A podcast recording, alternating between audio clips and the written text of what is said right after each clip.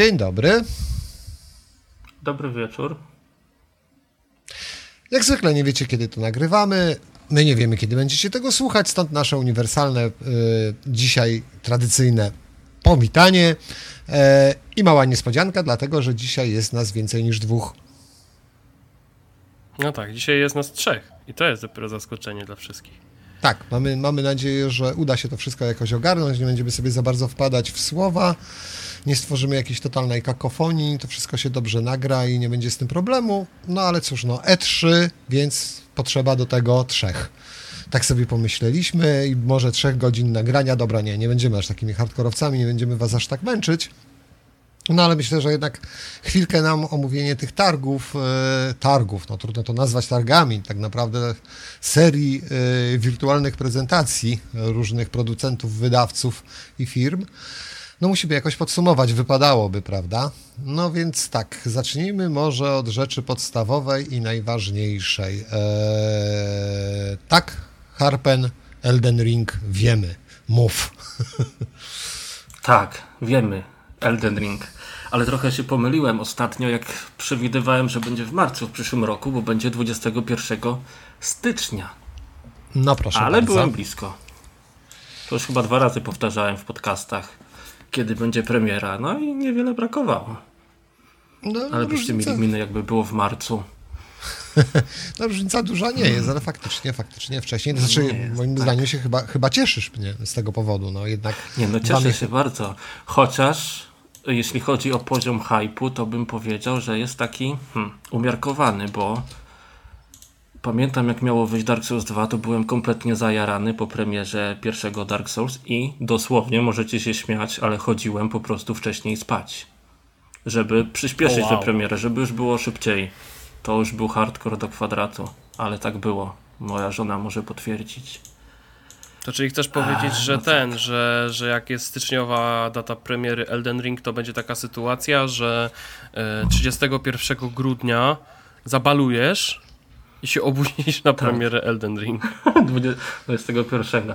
Nie, ja właśnie chciałem powiedzieć, że poziom hypu jest taki umiarkowany. Nie taki jak w przypadku Dark Souls 2. A jeśli chodzi o Dark Souls 3 przed premierą, to hypu w ogóle nie miałem. Praktycznie to wyglądało tak, że nawet mi nie przeszkadzało, że Dark Souls 3 wyjdzie w Japonii wcześniej, a w Europie 3 tygodnie później. Ale jak dostałem tą wersję japońską od znajomego dostęp na PS5 na chwilę, chwilę pograłem, wtedy się zaczął taki hype, że przeszedłem w 20 godzin praktycznie ciągiem. Zobaczymy jak z Elden Ring No. będzie. Na razie takiego wielkiego hypu nie czuję. Znaczy ogólnie to tak 20 godzin w twoim przypadku to brzmi dziwnie po tym jak widziałem na streamie dwie godziny. Ale okej. Ale to było pierwsze przejście bez znajomości gry i po japońsku. No to sobie wszystko dodaj. To wychodzi 20 godzin. Wychodzi 20 godzin, tylko że w koopie z jakimiś tam randomowymi pomocnikami. Mhm. I wtedy jest dużo łatwiej. Zresztą był chyba jakiś wywiad czy wypowiedź Miyazakiego, reżysera Elden Ring i poprzednich części Dark Souls, nie licząc Dark Souls 2, który mówił właśnie o poziomie trudności w Elden Ring i mówił, że gra będzie zbliżona do Seki... Jednocześnie powiedział dwie rzeczy. Powiedział tak, powiedział, że gra będzie poziomem trudności zbliżona do Sekiro i że poziom trudności będzie dość niski, niższy niż w poprzednich grach. I to mi tak trochę nie pasuje, bo dla mnie Sekiro, jeśli chodzi o wszystkie gry From Software, począwszy od Demon Souls, było najtrudniejsze. Praktycznie miałem taką myśl przez moment, że jeśli bym nie grał w poprzedniej części, w poprzednie gry From Software, to od tego Sekiro bym się zwyczajnie odbił, ale miałem tą świadomość, że jak się nauczę tego wszystkiego i przejdę, no to potem już będzie tylko łatwiej. No i się udało. Pomijając fakt, że ostatniego bossa ubijałem około 10 godzin. Znaczy nie tyle walka trwała, co tyle prób było. No, no wiadomo, wiadomo. No, a sama gra, jeśli chodzi o Elden Ring, Miyazaki też opowiadał o długości. Mówił, że tak trochę olewając eksplorację, to minimum 30 godzin na dotarcie do jednego z wielu zakończeń, więc w sumie podobna wartość co w przypadku Soulsów. Czyli taki standard. Zresztą patrząc, wychodzi. tak, taki standard, chociaż no, były Dark Souls 2 bardziej mi zajęło 50 godzin, pamiętam. Ale to już jest chyba największa gra z całej serii. Ale czemu w ogóle Dark Souls wszędzie, skoro to jest zupełnie nowa marka? E, pojawia się wiele takich opinii, że Elden Ring wygląda jak kontynuacja Dark Souls 2, takie coś jak z Final Fantasy, że Dark Souls 2 2, że kontynuacja tamtej gry. Nie wiem na ile to jest prawda, ale bo jeszcze nie widzieliśmy gry w sumie. Ale patrząc na sam taki art design i na to jak gra wygląda, jak animacje wyglądają, zbroje, same animacje czarów w ogóle i walki z przeciwnikami, no to tego Dark Souls 2 jest tam naprawdę sporo, nie licząc, że świat będzie dużo większy, bo mamy jeździć na koniu. No tak, widziałem to faktycznie. No, no nawet e, z tego, co na tej zajawce było widać, to będzie można atakować jadąc na koniu. Tak. I to mnie też w sumie właśnie, generalnie- właśnie interesuje, kurczę, czy to taka, taki bajer, który jest po prostu na przerywniku, e, ewentualnie na trailerze, czy rzeczywiście to będzie jakaś integralna część gry, że będzie można tych na przykład jakichś tam słabszych przeciwników i tak dalej, i tak dalej, mopki po prostu, które gdzieś tam są e, w świecie, no po prostu zajechać z konia, trzasnąć przez łeb, kurczę, czymś e, z rozpędu i pozamiatać. No ja tak obstawiam na Nie wiem, czy dobrze- 99%, że może wy wpadą na pomysł zrobienia jakiegoś boss fightu na koniu. E, takiego, nie wiem, jeden na Może jeden, być. coś, coś jak było w, Sike- w Sekiro. Z tym, tym admirałem, czy z kim tam, nie wiem, z kapitanem jakimś. Co ten był No, na No koniu. z tym drugim bossem, Tak. Znaczy, czy tam trzecim, zależy jak liczyć. Mhm. No to się w sumie tak samo nasuwa, no. Mamy, mamy konia, no to go wykorzystajmy jakoś, no. A gra, że tak powiem, y, siedzi mocno na bossach, więc y, głupio by było nie wykorzystać tego nowego, fajnego fita, kurczę, przeciwko jakiemuś fajnemu bossowi, nie? I dowalić jakiegoś upierdliwca, który znowu zajmie, kurczę, 10 godzin Harpenowi. No, no już był tam Nie, jakiś 10 potwór godzin to mi zajął ostatni i to taki legitny, najtrudniejszy boss naj, tego najpełniejszego zakończenia. Ale to dawne dzieje, dwa lata temu ponad. Dawno dzieje. No a jeszcze chciałem na chwilę wrócić, dawne dzieje, tak. Nie, bo jeszcze chciałem na chwilę wrócić do tych porównań z Dark Souls, że tak Elden Ring to właściwie Dark Souls 4 na koniach i nawet jest takie określenie, że będziemy tak zwani tarniszt, czyli splamieni. I kto pamięta z Dark Souls 1 to był The Chosen Undead, w trójce był The Bear of the Curse, a w trójce The Ashen One. I no oni nawet kontynuują to nazewnictwo. Więc może coś jest na rzeczy, że to właściwie takie Dark Souls 4 pod inną nazwą. No w sumie czemu nie? Nie, nie żeby mi to przeszkadzało. Oczywiście nie, nie przeszkadza mi to. Czekam bardzo. Ale nie tak bardzo jak na Dark Souls 2. Wtedy. No. No ja powiem tak, e, bo odejdziemy teraz troszeczkę od Dark Soulsów, ale w sumie nadal będziemy się trzymać w kręgu gier dość hardkorowych, a przynajmniej mam taką nadzieję. E, Szczerze powiedziawszy, zajawka, którą zobaczyłem e, na właśnie E3, mm, no podbudowała mnie trochę, jeżeli chodzi na pewno o klimat. No ale mam nadzieję, że będzie też trudno, tak jak było właśnie momentami w e, szczególnie pierwszej części. No, mówię oczywiście o Stalkerze nowym. E, nie kolejnym e, fabularnym spin-offie pierwszego Stalkera, tylko Stalkerze z numerkiem 2. kt- Na którego kurczę czekam, powiem wam szczerze, w tej chwili chyba, znaczy no, jeżeli chodzi oczywiście o gry first person, o, ujmijmy to w ten sposób, bo jest dużo gier innych, na które też bardzo czekam, ale o czym, o czym za chwilę, bo jedna z tych gier też się pojawiła na E3, Mm, chociaż w miejscu i w momencie, gdzie mogła wielu ludziom niestety umknąć, a szkoda. Mm, Ale wróćmy do Stalkera. No, dla mnie to jest e, gra tych targów tak naprawdę. No, raz oczywiście, że kocham e, klimaty postapo i zbliżone. No, Stalker nie jest do końca postapo, bo jest po prostu e, gromo no, w zamkniętej strefie, prawda, z anomaliami. Dookoła e, funkcjonuje normalny świat. To jest też ciekawa sprawa, bo jest wielu ludzi, którzy nawet sobie z tego sprawy nie zdawało i nie zdaje, że tak to właśnie działa, że zona jest po prostu pewnym obszarem, który jest y, obszarem specjalnym, innym i tak dalej. E, a generalnie dookoła zony funkcjonuje normalnie cała reszta świata, prawda?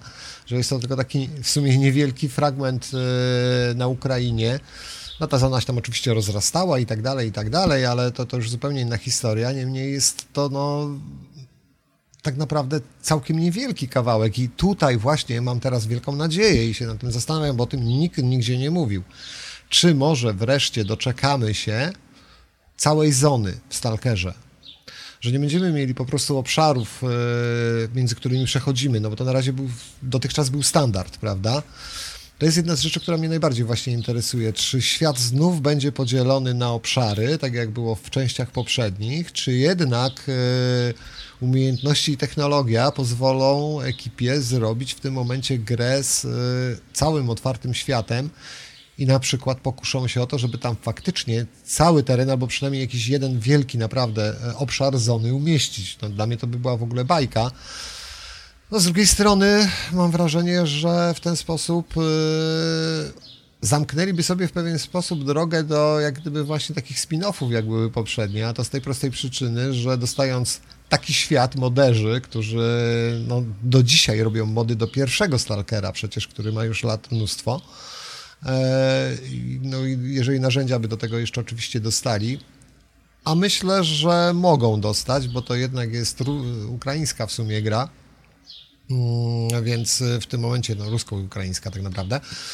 E, więc w tym momencie jest spora szansa, że coś takiego by się e, właśnie zadziało, bo oni są raczej otwarci na, na tego typu rzeczy i na społeczność, e, więc podejrzewam, że no, po co dodatki, skoro ludzie by tą zonę uzupełnili w tych miejscach, gdzie tam na przykład nic się nie dzieje, prawda?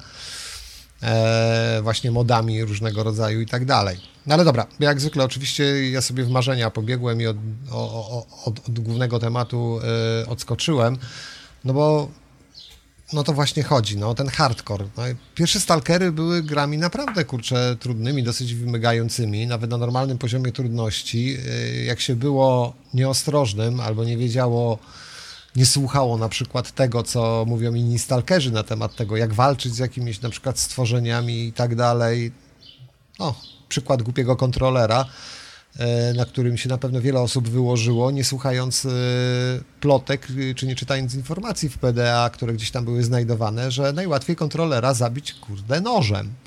Bo jak się do niego strzela, to w zasadzie strzela się już w pewnym momencie zupełnie na oślep, a wystarczy do niego podbiec, wtedy przestaje na, na, nas działać jego aura w tak silny sposób i po prostu się go ciacha nożem. I to było tak strasznie proste. I mam nadzieję, że właśnie tutaj też tak będzie, że no jednak no nie będzie to taka po prostu zwykła strzelanka, w której wchodzimy, ulepszamy sobie co chwila gnaty, co dwa kroki znajdujemy e, skrzyneczkę, kurczę, z czymś jeszcze lepszym, z czymś jeszcze fajniejszym, e, poprawiamy sobie statystyki generalnie w połowie gry na dobrą sprawę.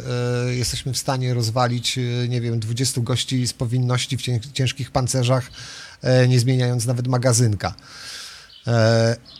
z tego co widziałem, no trudno to tak na pierwszy rzut oka wywnioskować po, mm, no nie mając, że tak powiem, ręki na myszce i nie strzelając, e, jak to wygląda.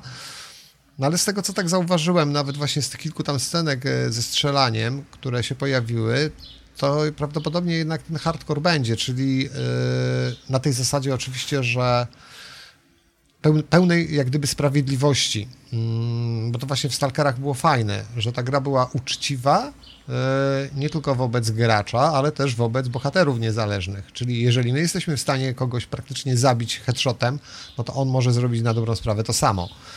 Mm, to było właśnie strasznie fajne, bo tam trzeba było uważać, naprawdę uważać właśnie na to, żeby nie zostać postrzelonym, bo to no, w zasadzie w przypadku, kiedy mieliśmy, nie wiem, jeszcze dwóch chociażby przeciwników gdzieś, no, oznaczało przegraną walkę bardzo często.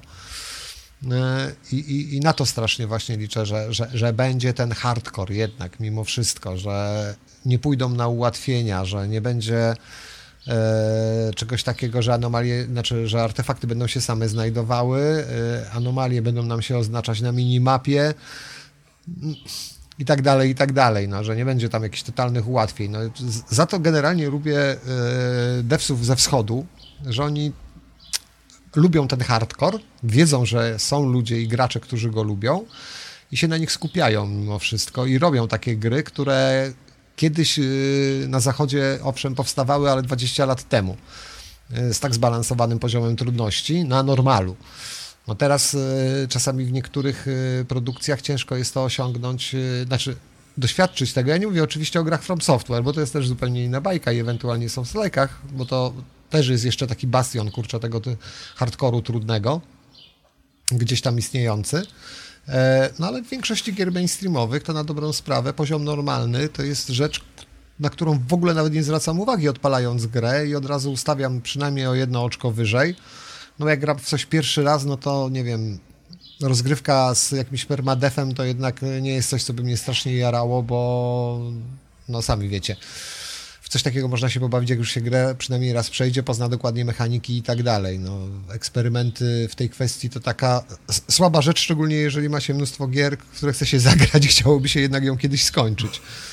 No niemniej właśnie to na, to na to strasznie liczę, bo sami powiecie, klimatu tam było od cholery.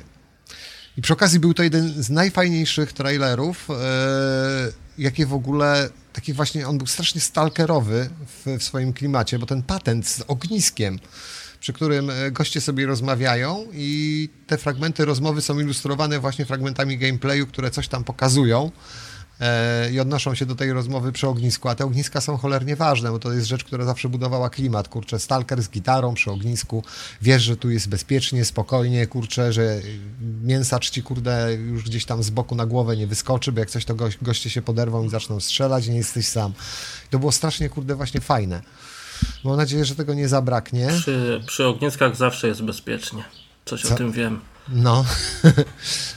tak, tak, no słuchaj, to jest, ale to jest naprawdę było, to za, je, strasznie fajnie budowało klimat właśnie w starych stalker, stalkerach, kiedy szedłeś na przykład właśnie przez jakiś tam nie wiem, las, czy powiedzmy jakikolwiek teren gdzieś, po, dajmy na to, e, z duszą na ramieniu, no bo pokończyły ci się już praktycznie bandaże i tak dalej, bo miałeś ze sobą ciężką przeprawę, kurczę, z dwoma grupami jakichś, kurczę, e, dresów, plus jeszcze po ostatnich twoich akcjach powinność zaczęła, kurczę, troszeczkę do ciebie strzelać.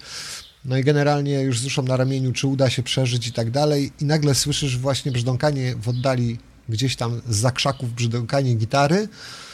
E, już wiesz, że jest dobrze, że jeszcze tylko parę kroków i będziesz mógł usiąść. Pewnie będzie tam koleś, od którego da się kupić właśnie, nie wiem, bandaże, cokolwiek, albo coś zrobić. I to było strasznie, kurczę, fajne. Właśnie tego w grach brakuje, no.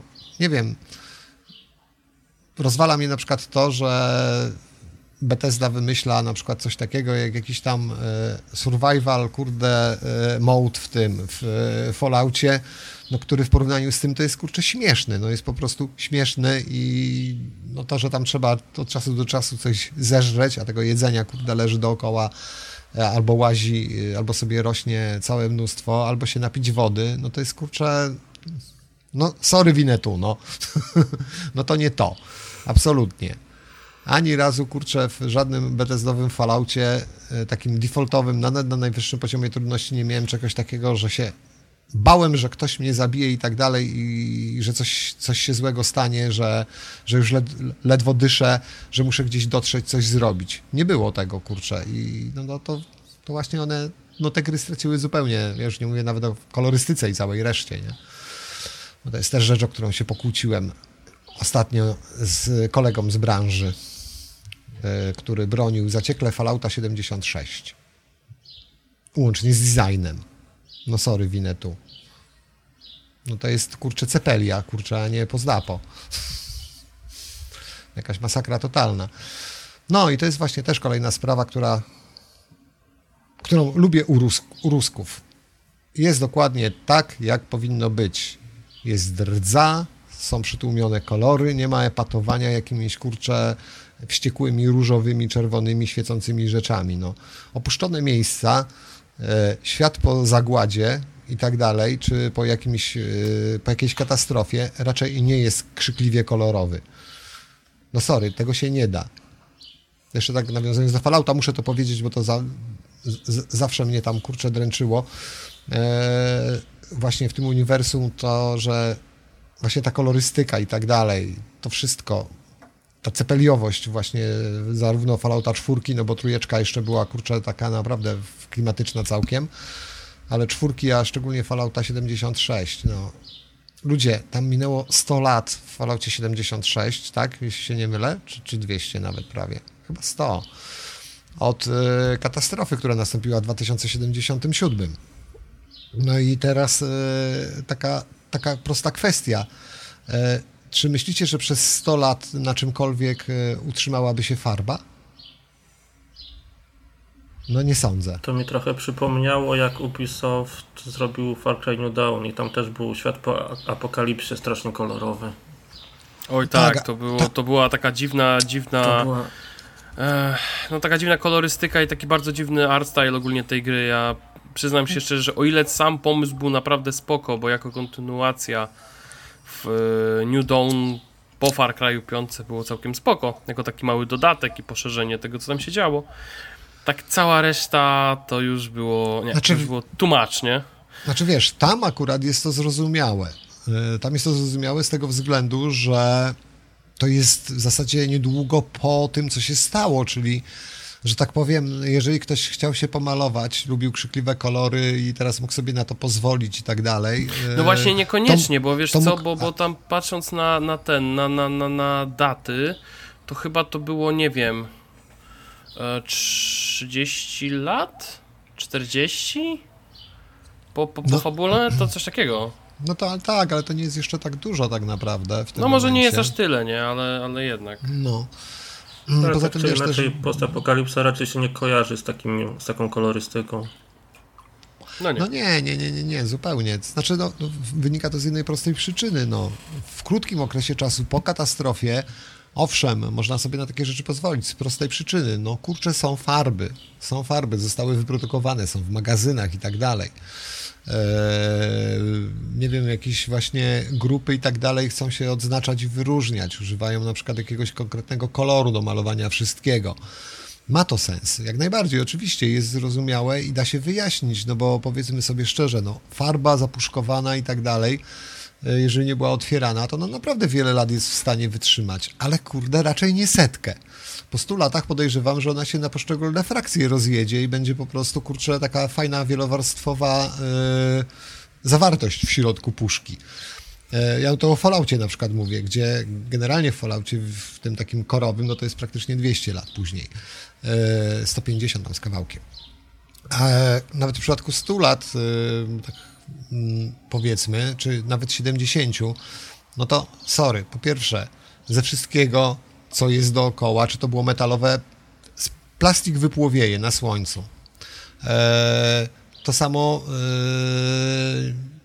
e, farba na, jakaś na metalu, no jakby, jakby była nie, niezarąbista, to tak, metal skoroduje tak czy inaczej, albo jeżeli na przykład jest to suche środowisko, to w tym momencie yy, i mamy, nie wiem, taki klimat pustynny, powiedzmy, jak dajmy na to w New Vegas, które akurat miało fajną paletę barw mi się strasznie pod tym względem podobało, bo oni czują klimat, mm, no to po prostu piach, drobiny różne i tak dalej zetrze tą farbę. No, po tylu latach nic z niej w zasadzie nie zostanie, nie ma szans najmniejszych na to.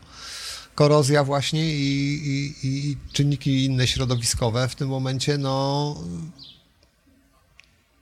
no zniszczą to całkowicie i tak dalej. Z kolei farby gdzieś przechowywane nawet w magazynach i tak dalej, też na dobrą sprawę, kurczę, cholera wie, kurczę, nie wiem, nie widziałem nigdy 50, 60, 70-letniej farby olejnej na przykład, czy nawet jakiejś y, akrylowej, czy jakiejkolwiek innej. Nie mam pojęcia, co się z nią stanie, ale podejrzewam, że raczej nie będzie nadawała się do użytku po takim czasie.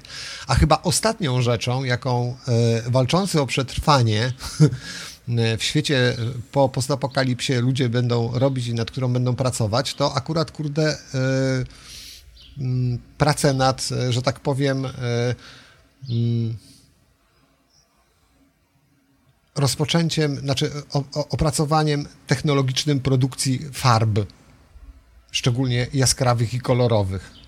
No sorry, jak miałbym do wyboru no to nie jest e, pro, produkcję prochu, broni, e, żywności, próby konserwacji, tej, zakonserwowania tej żywności, żeby na przykład na e, okresy suszy, czy nie wiem, jakieś zimy wystarczały i tak dalej. To by były priorytety i nad tym podejrzewam, że wszyscy kurczę się skupiają i nad tym pracują, a nie nad tym, żeby sobie coś kurwa pomalować na różowo, no sorry.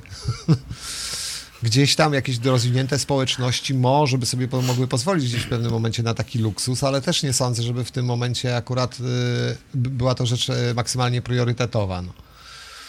Także, także o, w ten sposób. Ale dobra, bo odeszliśmy od tematu i w zasadzie gadamy o tym, jak strasznie Bethesda zepsuła nam e, Fallouta, a nie o tym, co Ale to wiesz, to i E3. tak, to i tak nadal to jest trochę w temacie, no bo przecież został zapowiedziany Fallout 76, ten Steel Rising, czy coś takiego, był dodatek do tego, to 76, No trochę- więc w sumie... No trochę tak. No i na tym w sumie możemy temat 76 zakończyć. Poinformowaliśmy o tym, e, że zostało zapowiedziane. Ktoś czeka, ktoś się jara, ja nie. Jak, jak dogram Fallouta 76, to, to może tak, bo zobaczymy jak to będzie wyglądało, bo faktycznie zagrałem sobie w to 76 jakoś niedawno i e, no zdecydowanie jest lepiej po kilku latach. Da się w to No. pograć, jak się przymknie oko, że to jest Fallout. Więc Znaczy, no, No jest, jest, ciut, jest ciutkę lepiej, wiadomo, no wiele błędów zlikwidowali, ale generalnie no... no nie, no z Falloutem, z Falloutem to no mam tak, no powiedzmy, no powiedzmy sobie szczerze, początkowy kierunek i założenie było błędne, a tego się już nie da wyeliminować, kurczę, żadnym patchem, więc hello, no ta gra jest niestety, kurczę, tak samo jak Fallout 4, pogrzebana. No, Ale to wiesz co, ale to widać- czwór- Czwórkę jeszcze da się ratować modami Mhm. czasami w jakiś sposób, yy, bo powstało dużo modów, które sprawiły, że w nią zagrałem jeszcze raz i nie było tak tragicznie, jeżeli chodzi o sam gameplay, no ale kurde, no że musiałem wrzucić y, 30 modów, yy, z których większość po prostu dotyczyła modelu rozgrywki, mechaniki, w zasadzie niczego innego, żeby dało się grać w tą grę. Przy czym niektóre z nich to były takie yy, no, kombajny, że tak powiem, do zarządzania mnóstwem różnych rzeczy i zmieniające mnóstwo różnych parametrów i rzeczy w mechanice rozgrywki. Więc w zasadzie to od strony mechanicznej to była zupełnie nowa i inna gra, nie mająca nic wspólnego z Falloutem 4 od Bethesdy. Jedyne co zostało, no to wiadomo, ludziki i tak dalej, bo mnie tam jakoś tam, nie wiem, nie jara, kurczę, dodawanie sobie jakichś teksturek fajniejszych czy czegoś takiego, walić to. Mhm. Gra ma być, kurczę, przede wszystkim fajna i grywalna i, i trudna w jakiś sposób, jeżeli to jest pod zapo. No ale dobra. Mm, W sumie to mi tylko przypomina w tym momencie to, jak pamiętam kiedyś odpaliłem Stalker ze w Prypeci i pamiętam, że okej, podstawowa, podstawowa gra wyglądała tak, jak wyglądała, ale ktoś mi podpowiedział, żeby zainstalować jeden z najlepszych modów do, e, do właśnie do, zew, do zewu Prypeci i włączasz grę i normalnie znajdujesz się w zupełnie innym miejscu, wszystko jest zupełnie inne, fabularnie też się zrobi co, coś zupełnie innego. I jakby, jakby ktoś grał zupełnie, nie wiem, coś, coś ala właśnie Zew Prypeci 2, o, coś takiego. Miałem w pewnym momencie wrażenie, że tak grałem w coś takiego, więc no, to tak, tak też może być z tymi Falloutami na modach i, i ten. A w Fallout 76 to jeszcze jest o tyle zabawne, że mm, te zmiany wszystkie to najlepiej widać po tym, jak zalogowałem się chyba na postaci, którą miałem od bety Fallouta 76 i właściwie pojawiłem się w jednym miejscu, w którym nawet nie wiedziałem, że tam doszedłem jakimś cudem. W plecaku miałem całą masę niepotrzebnych już przedmiotów, które właściwie mógłbym przerobić na skrapy, ale to by mi mało co dało. Gdzieś miałem wybudowany kamp, nawet nie wiem gdzie. Coś, coś, coś próbowałem chyba robić. Miałem całą masę zadań pozaznaczanych i też nie wiedziałem, w którą stronę pójść. Więc tak naprawdę, jeżeli by ktoś chciał zagrać Fallout 76, to chyba od nowa musiałby zacząć. Żeby zacząć ten cały mm, questline związany z fabułą, przejść później do tego Still Dawn, czy tam do tych Wastelandersów, nie wiem jak to tam działa. No i to już, to już się robi, no, takie właśnie, że oni coś z tym próbują robić, ale ostatecznie wygląda to tak jakoś pokracznie. Nie, nie wiadomo, czy to w, czy w lewo, czy w prawo tak naprawdę. No, znaczy, no bo widzisz, no, pro, problemem tutaj jest, y, tak jak mówię, punkt wyjściowy, sam koncept po prostu gry, który no... mm, Znaczy on w założeniach był e, nawet dość interesujący, no ale okazało się, że oni nie potrafią. Znaczy oni nie potrafią w takie podstawowe rzeczy jak na przykład balans w ogóle zupełnie rozgrywki.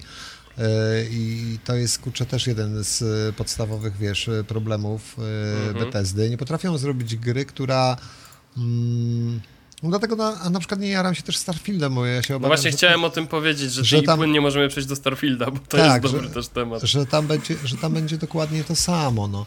Ja na przykład nie cierpię e, skalowania e, przeciwników i tak dalej, pod gracza. Nie cierpię tego. To jest w ogóle według mnie mm, w RPGach oczywiście. E, Według mnie to jest najbardziej idiotyczna rzecz, e, która zaprzecza w ogóle całej idei, kurczę, e, RPGa, no bo no, do cholery. Mm, Większość gier, znaczy dlatego lubię oldschoolowe, izometryczne RPG, które są pod tym względem uczciwe. Mówiąc krótko, jak poleziesz gdzieś i dostaniesz w pierdziel, no to w tym momencie, no tego są savey zresztą i tak dalej, yy, w tym momencie, no wiesz, że tam na razie nie masz po co iść, bo tam siedzą goście, którzy są, kurczę, dla ciebie za dobrzy, za mocni, za dobrze wyposażeni i tyle, po prostu. Znaczy też nie jestem na przykład fanem takiego, mm, że tak powiem, e, adekowego e, systemu rozwoju postaci, który na przykład e, mocno boostuje, dajmy na to, HP postaci i tak dalej. Mhm. E, no, no to jest też takie, no, trochę dziwne moim zdaniem. Dla mnie idealne są systemy i to jest po prostu, to ma największy sens e, generalnie w RPGach, jest na, najbardziej RPGowe.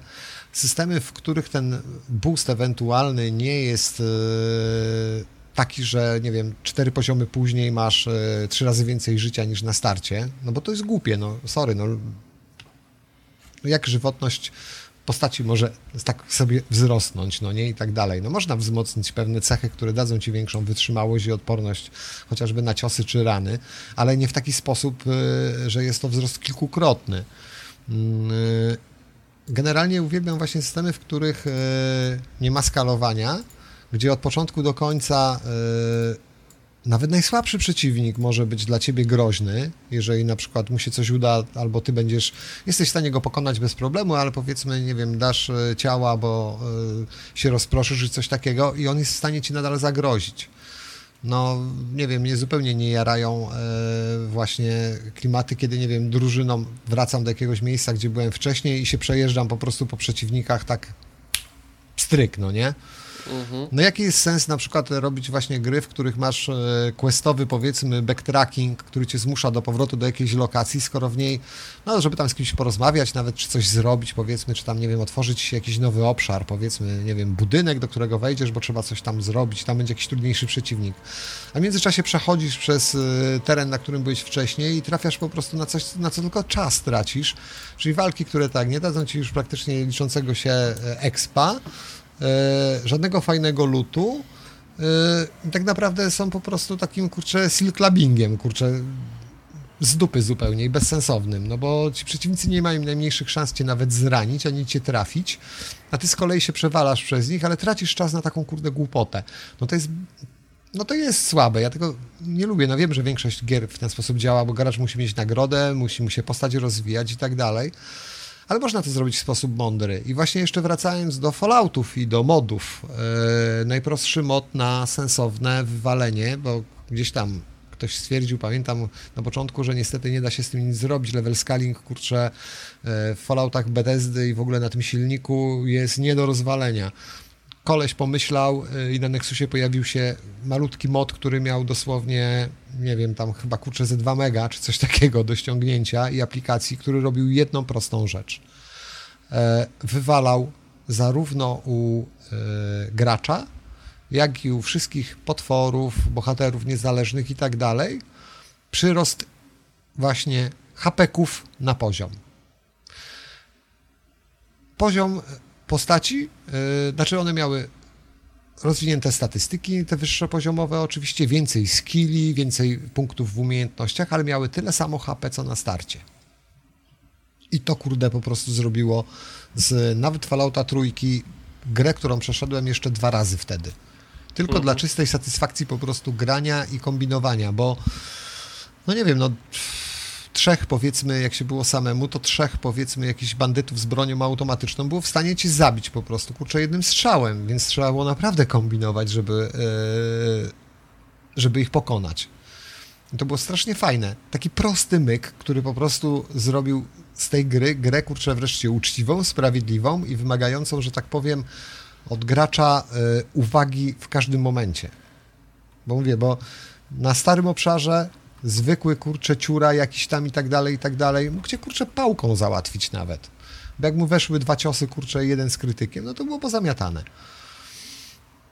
I to było strasznie fajne. I mówię, to jest dla mnie w ogóle ideał właśnie w RPGach. Yy, mhm.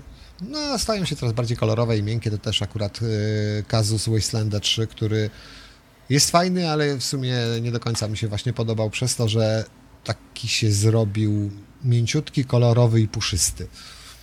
No. no. w sumie właśnie dlatego tak się teraz zastanawiam cały czas, w którą stronę Bethesda pójdzie z tym Starfieldem, bo tak jak Todd Howard mówi, że Starfield to będzie taki Skyrim w kosmosie i symulator Hanna Solo, to ja się zaczynam jakoś tak bać, bo e, po tym zwiastunie, który pokazali, to to wszystko wyglądało tak jakbym nie wiem, to, moja znajoma to określiła w ten sposób, że to tak trochę jakby pokazali Elite Dangerous Odyssey. Bo no, właściwie to co na, tym, tak. co na tym zwiastunie było? No jest pan w czy pani kosmonautka yy, w kombinezonie chodzi po statku, tam jakiś ludzik do niej macha, ona tam startuje z, z tym statkiem i właściwie tyle w temacie, to wszystko wygląda jakby, nie wiem, no, no, trudno powiedzieć tak naprawdę, czym tak naprawdę ostatecznie jest ten Starfield, jak to będzie wyglądało, czy tam jakieś będą mechaniki właśnie podobne do gier um, wcześniejszych właśnie jak, nie wiem, właśnie wszystkie TTS-y, czy inne, czy Fallouty nawet i właściwie to trudno jest mi się nim jarać. Okej, okay, jaram się nim dlatego, bo jest kosmos. No ja lubię te tematy kosmiczne i to jest fajne, ale tak naprawdę mamy gdzieś ponad rok do premiery i właściwie oprócz tego, co zobaczyliśmy na tym takim zwiastunie CGI, który się pojawił na takim teaserze, to właściwie o Starfieldzie nic. No właśnie o to chodzi. Znaczy no, wiadomo, w RPGach najważniejsza jest tak naprawdę, y, oprócz rzeczywiście fajnej fabuły i historii, która wciąga i którą chce się poznawać, y, no mechanika właśnie rozgrywki. Mhm. No, no i balans tej mechaniki, prawda? No co, co jest właśnie kurczę piętą Achillesową i to straszną e, BTSD, bo oni nie potrafią dobrze zbalansować gry, więc kurczę jedyne co potrafią właśnie zrobić, no to wchodzisz w nowy obszar, masz 30 level, no to przeciwnicy też mają 30 level. I to jest wszystko na co ich stać, nie? Mhm. Tak naprawdę. Mm. Znaczy ja się w pewnym momencie też zacząłem tak zastanawiać, jak blisko Starfield będzie leżał The Outer Worlds. Nie wiem dlaczego, bo tak, y, znaczy okej, okay, no kosmos, kosmos, tutaj w sumie jedno i drugie.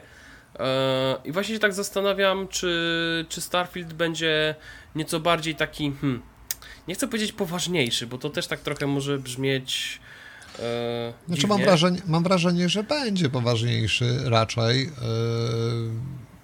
wiesz, Mam nadzieję też taką, że Bethesda w sumie sobie może zdała sprawę z tego, że wiesz, y, w Falloutach trochę przesadzili i że niekoniecznie ludzie, kurczę, wiesz, chcą aż tyle, kurczę, właśnie tej CPL-i takiej, kurczę, i tych tego śmieszkowania y, takiego już na siłę, po prostu wciskania y, tych dowcipów i tak dalej wszędzie, żeby nie było.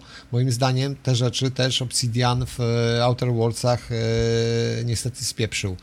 Poszli już za mocno, za bardzo, za daleko i no mimo właśnie klimaciku całkiem niezłego, to, to był, było już blisko takiej tej granicy, a czasami nawet przekracza, przekraczali tą granicę dobrego smaku i balansu pomiędzy powagą właśnie, kurczę, a pójściem w, w, w, takiego kurczę Monty Pythona prawie, mm, że mhm. a, a, czasami nawet, y, no dobra, Monty Python to jest jeszcze kurczę komplement, a to akurat jest sporo takich rzeczy, takiego całkiem inteligentnego dowcipu, no ale też jest sporo takiego prześnego kurczę, o co ja bym ich nie podejrzewał, że w takich ilościach takie rzeczy się tam pojawią. Mhm. E, druga sprawa, która w ogóle e, strasznie u mnie przekreśliła Outer Worldsy, no to właśnie ten e, niestety MMowy system e, w mechanice dotyczącej właśnie broni i tak dalej, i tak dalej. Pierwsza rzecz, której najbardziej nienawidzę w RPGach, broń na poziomy, broń, która ma poziom.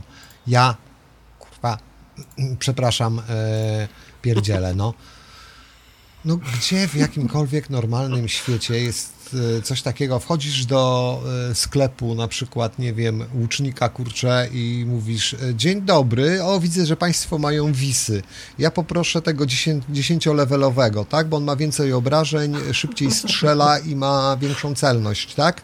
Mm, super, dzięki. A mam pytanie, czy jak pójdę na strzelnicę, dobiję do 20 levelu, to będę mógł go upgrade'ować po jakiejś niższej cenie? No fuck. No hej, no takich rzeczy, kurczę, Tak to nie działa. nie ma, no. No nie, no to jest głupie, to jest debilne, no.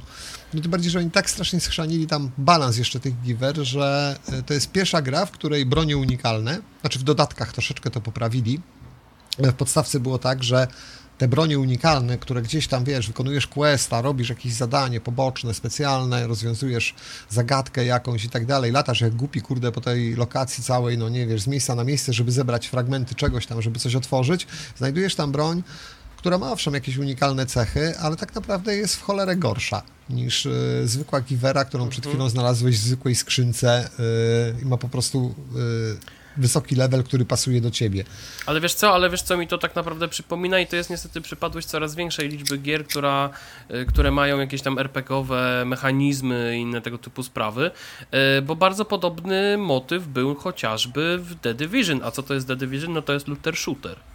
No I tak, w The tak, Division tak. była taka sytuacja, że na przykład zdobywało się broń egzotyczną, y, która, no wiadomo, wypadała bardzo rzadko, tam ten procent był 0,0, tam 25. E, No.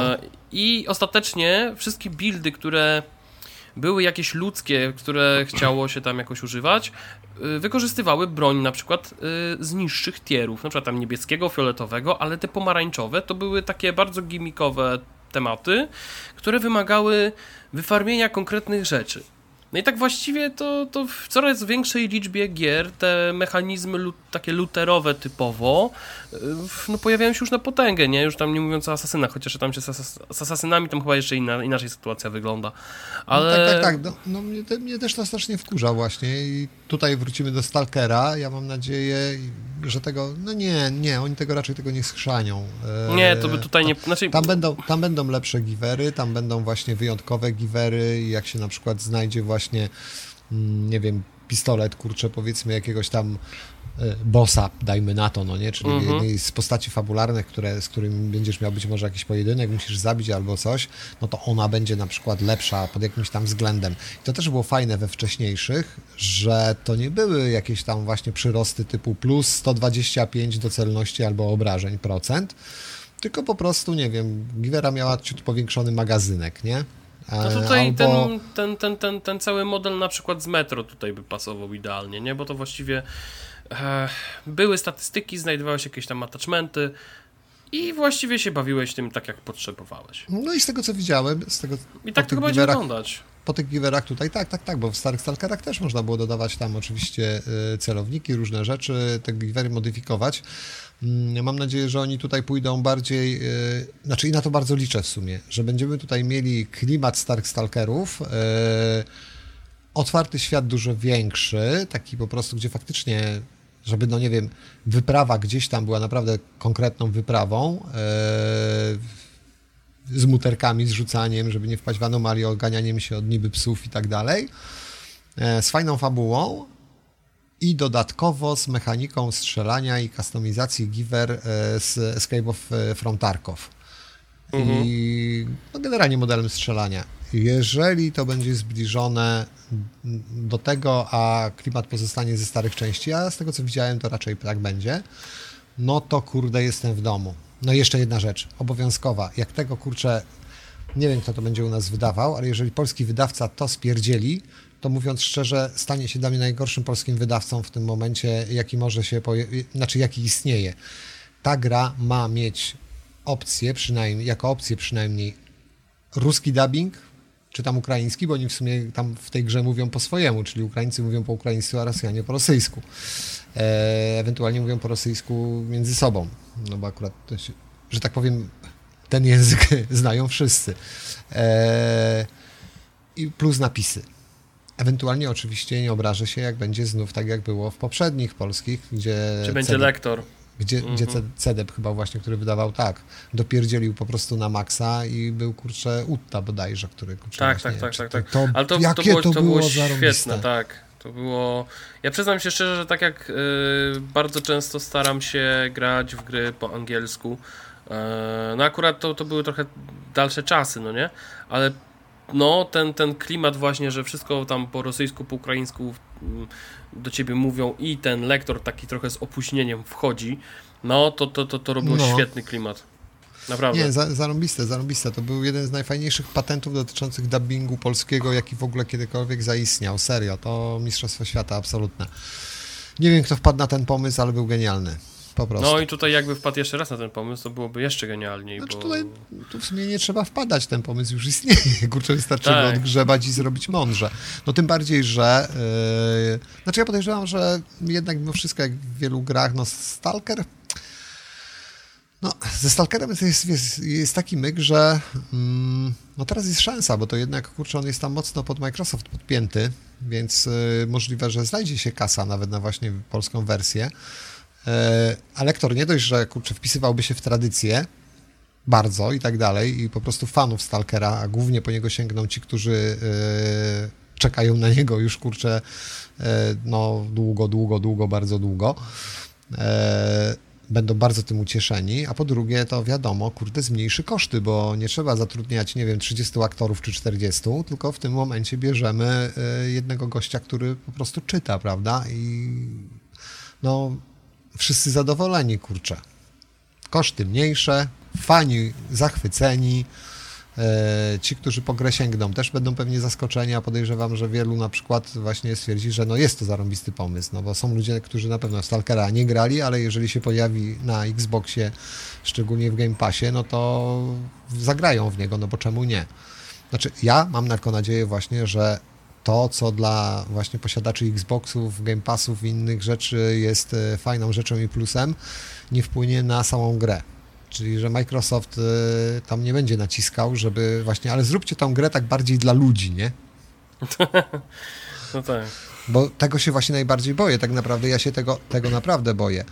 Mm, Nie boję się o na przykład grafikę, nie boję się za bardzo o optymalizację nawet, bo no, oni potrafią, kurczę, oni naprawdę potrafią e, takie rzeczy robić. E, boję się oczywiście o zwykłe bugi, takie gdzieś tam generujące się, e, bo jakieś sznureczki się gdzieś tam poplątały w skryptach i tak dalej, i tak dalej, bo to jest charakterystyczne dla ruskich gier, ale jeżeli chodzi o optymalizację, to oni naprawdę potrafią, kurde, być czasami całkiem nieźli. No, dobra, znaczy to tam nie tylko Rusy, no generalnie Ukraińcy i tak dalej, chodzi mi o cały wschód. E, no weźmy powiedzmy chociażby takiego, takie metro, które no, ma swoje wymagania, ale jak na to, co oferuje, no to ma, kurczę, powiem wam, no optymalizację naprawdę niezłą. A to akurat też prawda. Ostatnio, ostatnio byłem zaskoczony, jak e, sprawdzałem Metro Exodus, że odpaliłem chyba na ultra ze wszystkim, ze wszystkimi wodotryskami i tak dalej i chodziło e, w stabilnych 60 klatkach. I ja byłem Mhm. zaskoczony, że tak się da. Więc No, no, właśnie, no właśnie, da się, da się. Dobra, dajmy dojść do głosu Harpenowi, bo Tak, Przyłączyłem ja się do jestem, pod- ale nie chciałem wam wchodzić w słowo. tak, przyłączyłem się, do, przyłączyłem się do podcastu, kurczę, i od razu zdominowałem wszystko i w zasadzie od 40 Tak. paru minut z, e, cały czas nadaję. Dobra, to ja się teraz przymykam. to, to w tym momencie Chwilę. się powinno powiedzieć, Harpen, jak tam w tym Elden Ringu? Dobrze, niedobrze? No nie, no Elden Ringa przerobiliśmy, no ale Ale Wiem, wy- ale... wydaje mi się, wydaje mi się, że, ale że, że, czek, że czekasz chyba nie tylko na Elden Ringa, nie? Z tych rzeczy, które tam się pojawiły. No ja właśnie zanim zaczęliśmy nagrywać, e, powiedziałem, że czekam na dwie gry.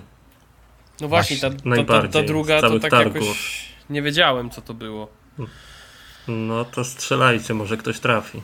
Chciałem powiedzieć, że Battlefield, ale to ja. Nie, nie, nie, nie, nie. Jak ktoś trafi, to dostanie mleko ode mnie. A to nie chcę. Taka motywacja. Nie chcesz mleka? To nie. No czekaj, czekaj, czekaj, czekaj. Na co tam możesz jeszcze czekać? Na co możesz jeszcze czekać? Znaczy na Atomic Hearta pomyślałem, ale...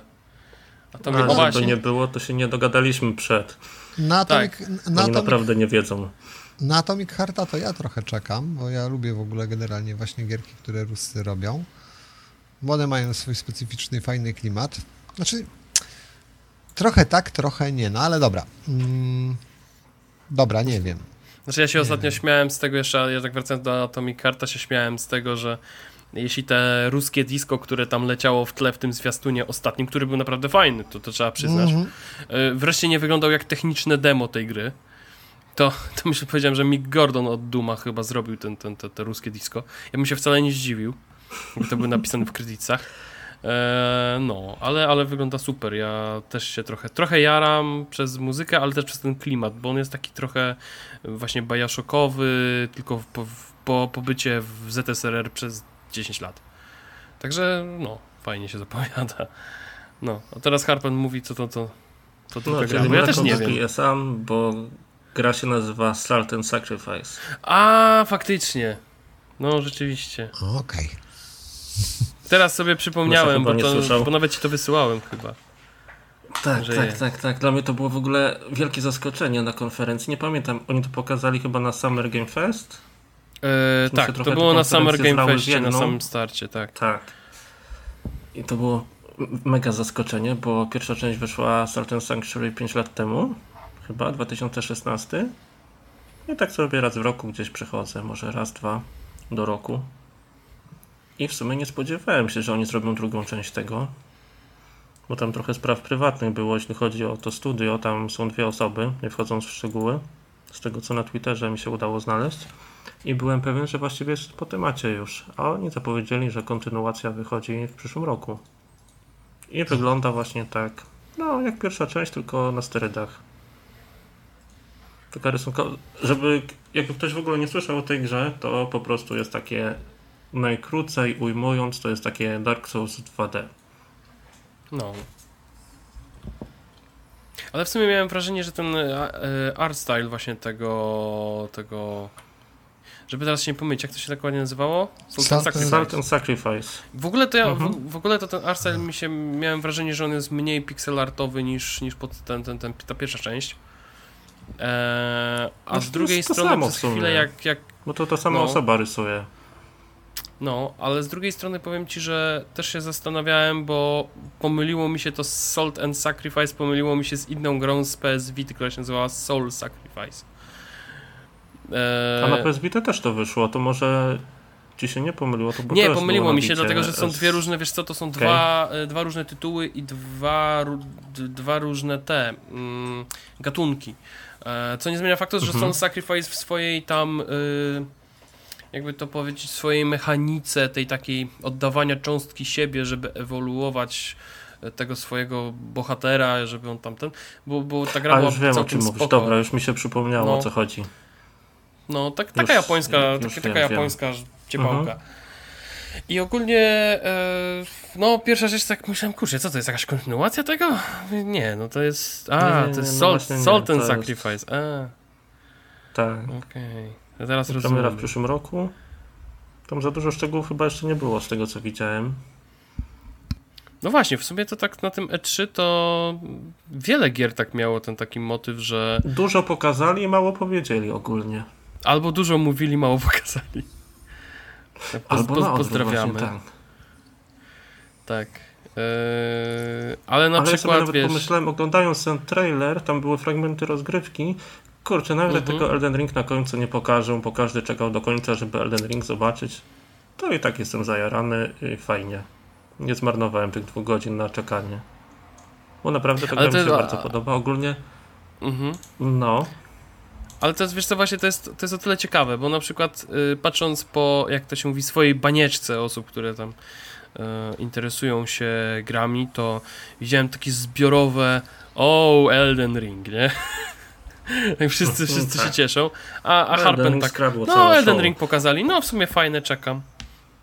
Tyle, bez żadnych Tak. emocji, No no, nie, czekam. bo ja się, ja się czuję, że już chyba wyrosłem z takiego jarania się, wiesz, jak z tym Dark Souls 2. Żeby na Wiesz co? czekać. Ja, ja chyba nie. To znaczy, na pewno mi to też, e, że tak powiem, opadło troszeczkę. Takie, takie hypowanie się właśnie czymś tam. E, No ale jednak są gry, które kurczę, no wywołują u mnie szybsze bicie serca, jak na przykład właśnie Stalker. E, Z tym, że no to jest tak, że jeszcze powiedzmy, nie wiem, 5, 8, 10 lat temu, jak na przykład właśnie czytałem albo słyszałem, e, że coś tam ma się pojawić i tak dalej, widziałem jakiś gameplay, to, to, to byłem naprawdę dużo bardziej zajarany niż teraz. No teraz Mhm. to się zdarza naprawdę już tak y, od przypadku do przypadku i nie ma tego, nie ma tego tak wiele, dlatego że znaczy to głównie wynikało oczywiście z rozczarowania. No ja pamiętam oczywiście swoje pierwsze, kurczę, totalne zajaranie tym, że o Jezus Maria, Bethesda, kurde, robi tego, e, Fallouta, pewnie, no, no, no dobra, no to jest coś takiego, że nie można tego spaprać, no nie można spaprać Fallouta, to jest taka marka, kurczę, taka zarąbista, na pewno tego nie, nie zepsują przecież i tak dalej, no dobra. Unless. Sorry. Sorry. Eee, no przy czym nie no, żeby nie było, no Fallout trójka, mimo że i tak go uważam za grę raczej taką, no, no dobra, nie, nie strasznie słabą, ale yy, no zwyczajną, przeciętną po prostu. Yy, no miał jeszcze klimat jakiś, naprawdę miał. Mhm. No właśnie przez to, że chociażby ta paleta barw była tam taka bardzo Falloutowa. s- s- stonowana i falloutowa, dokładnie. Mhm. Yy, miał swój urok. New Vegas potem, kurczę, no oczywiście odbudowało wiarę w ogóle w markę, bo było grom 100 razy lepszą niż, no robił to Obsidian, jak wiadomo, było grom 100 razy lepszą niż Fallout trójka. No a potem pieprznęli czwórką i nagle się okazało, że nie, oni się jednak nie uczą. Oni brną dalej w e, tą ślepą uliczkę, którą sobie uznali za, znaczy ślepą, no, ślepą dla wszystkich hardkorowych fanów e, uniwersum Fallouta i starych Falloutów. E, dla nich raczej nie, no bo jednak te gry im się sprzedają. A podejrzewam, że gdyby w tym momencie nie poszli w taki właśnie bardziej design e, dla każdego, czyli w coraz bardziej pluszową apokalipsę, no to w tym momencie no, nie mieliby tak dobrej sprzedaży tych gier. No, jednak wielu ludzi, jak zobaczy na przykład sobie, nie wiem, porówna gameplay czy screeny powiedzmy z New Vegasa czy Fallouta trójki z czwórką, no to powie, kurde, i zapyta się go, która gra według niego jest lepsza, to powie, no ta. Bo czwórka jest bardziej kolorowa, jest fajniejsza, nie? Pod tym względem. No, niestety ludzie tak mają, no nie czują klimatu, ale dobra, nieważne. my, nie, my w sumie Chociaż nie o żeby tym. nie było, y, to nie, że ja się w ogóle nie jaram grami, bo jaram się jak najbardziej i cały czas, może nawet jeszcze bardziej niż kiedyś, ale drażnią mnie te wszystkie takie zmontowane reklamówki, te trailery. Takie ja chcę, żeby pokazali mi grę, która, no jak ona wygląda. Wiadomo, że i tak mieliśmy prezentację Horizon przed E3 jeszcze, pokazali grę. Wiadomo, że to może być trochę podrasowane graficznie, no ale jednak widać jak ta gra działa, jakie są mechaniki, co zmienili w stosunku do poprzedniej części. A jak pokazali trailer El- Elden Ring, no to dobra, ale poczekajmy jeszcze, Ale wiesz to co, to- faktycznie jest Dark Souls 4. Mhm. To powiem ci, Harpen, że ja mam ten sam problem z Forza Horizon 5. Bo. I to, i, i, tak jak widziałem takie ogólne. pokazali. Tak, ogólnie, ogólnie widziałem wielkie zajaranie się Forza Horizon 5 i no, no, powiem tak, no też mi się trochę udziela, dlatego że no lubię wyścigówki. Ale tak naprawdę to co oni pokazali z takich typowo next-genowych rzeczy na Forza Horizon 5?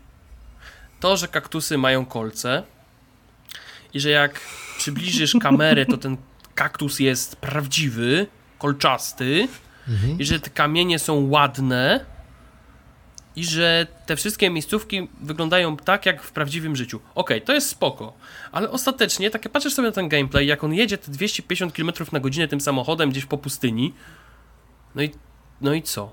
No i nic, no to jest dalej to samo, tutaj się dużo nie zmieniło, tutaj jest dalej Forza Horizon. Taka To jest Forza Horizon 4,5.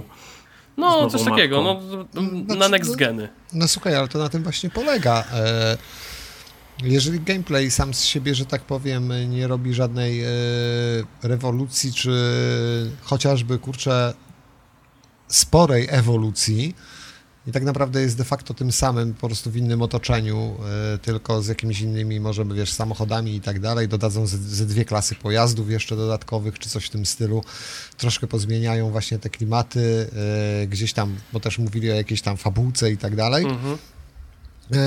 No to trzeba, że tak powiem, od tego, że to jest dokładnie to samo, co część poprzednia, odwrócić uwagę, zwracając uwagę na to, patrzcie, jaki zajebisty kamień. Taki kaktus. I No słuchaj, to, to kaktus mnie, fajny, słuchaj, no to, to, jest, to jest właśnie coś, którego co i było tak dla, nie zobaczysz. Tak, dla, dla mnie to było coś, co przy prezentacji y, właśnie też na E3 chyba właśnie e, pierwszej e, Fallouta trzeciego, co od razu włączyło mi ostrzegawczą lampkę w głowie, nie? Że Toad Ho Howard, y, wiesz, mówił y, tam, że mamy ileś tam broni, coś tam, coś tam, tyle i tyle kilometrów tego świata, podziemia, rozbudowane linie metra, w których spędzaliśmy 3 czwarte gry, e, i tak dalej, i tak dalej, i tak dalej. I gdzieś w środku tego wszystkiego oraz oczywiście niesamowite 80 modeli brody. To, Mówię- mi przy, to wiesz co Mówię, to mi przypomina? okej, jeżeli jednym z głównych fitów gry RPG jest to, że e, w, na ekranie tworzenia postaci mamy 80 brud i przy pierwszej zajawce e, gry na targach gość skupia się na tym, że mają fajne brody w grze, to znaczy, że z całą resztą nie jest kuźwa za dobrze. No to mi tylko przypomina, e, przypomina mi to tak. sławne, e, sławne powiedzenie Toda Howarda w trakcie tego e, prezentacji Skyrima, nie? See that mountain? You can climb it, nie? No, no, no, Także, no, no, no. także wiesz, to jest, to jest właśnie bardzo podobny, bardzo podobny motyw, nie? Yy, I właśnie jeżeli, a jeżeli chodzi o takie CGI, -e, takie typowe, które tam się pojawiały w, na E3, to jest, to był tak naprawdę jeden, który wywołał u mnie wielkie ciarki na plecach, ale dlatego, że jestem wielkim fanem. To był dodatek z Top Guna do Flight Simulatora. A. Bo, bo, to, bo to, to wszystko wyglądało tak, jakby ktoś oglądał ten zwiastun Mavericka, tylko że te wszystkie kadry były zrobione na e, silniku gry. Tak, wiesz co ci powiem, że... To było mega.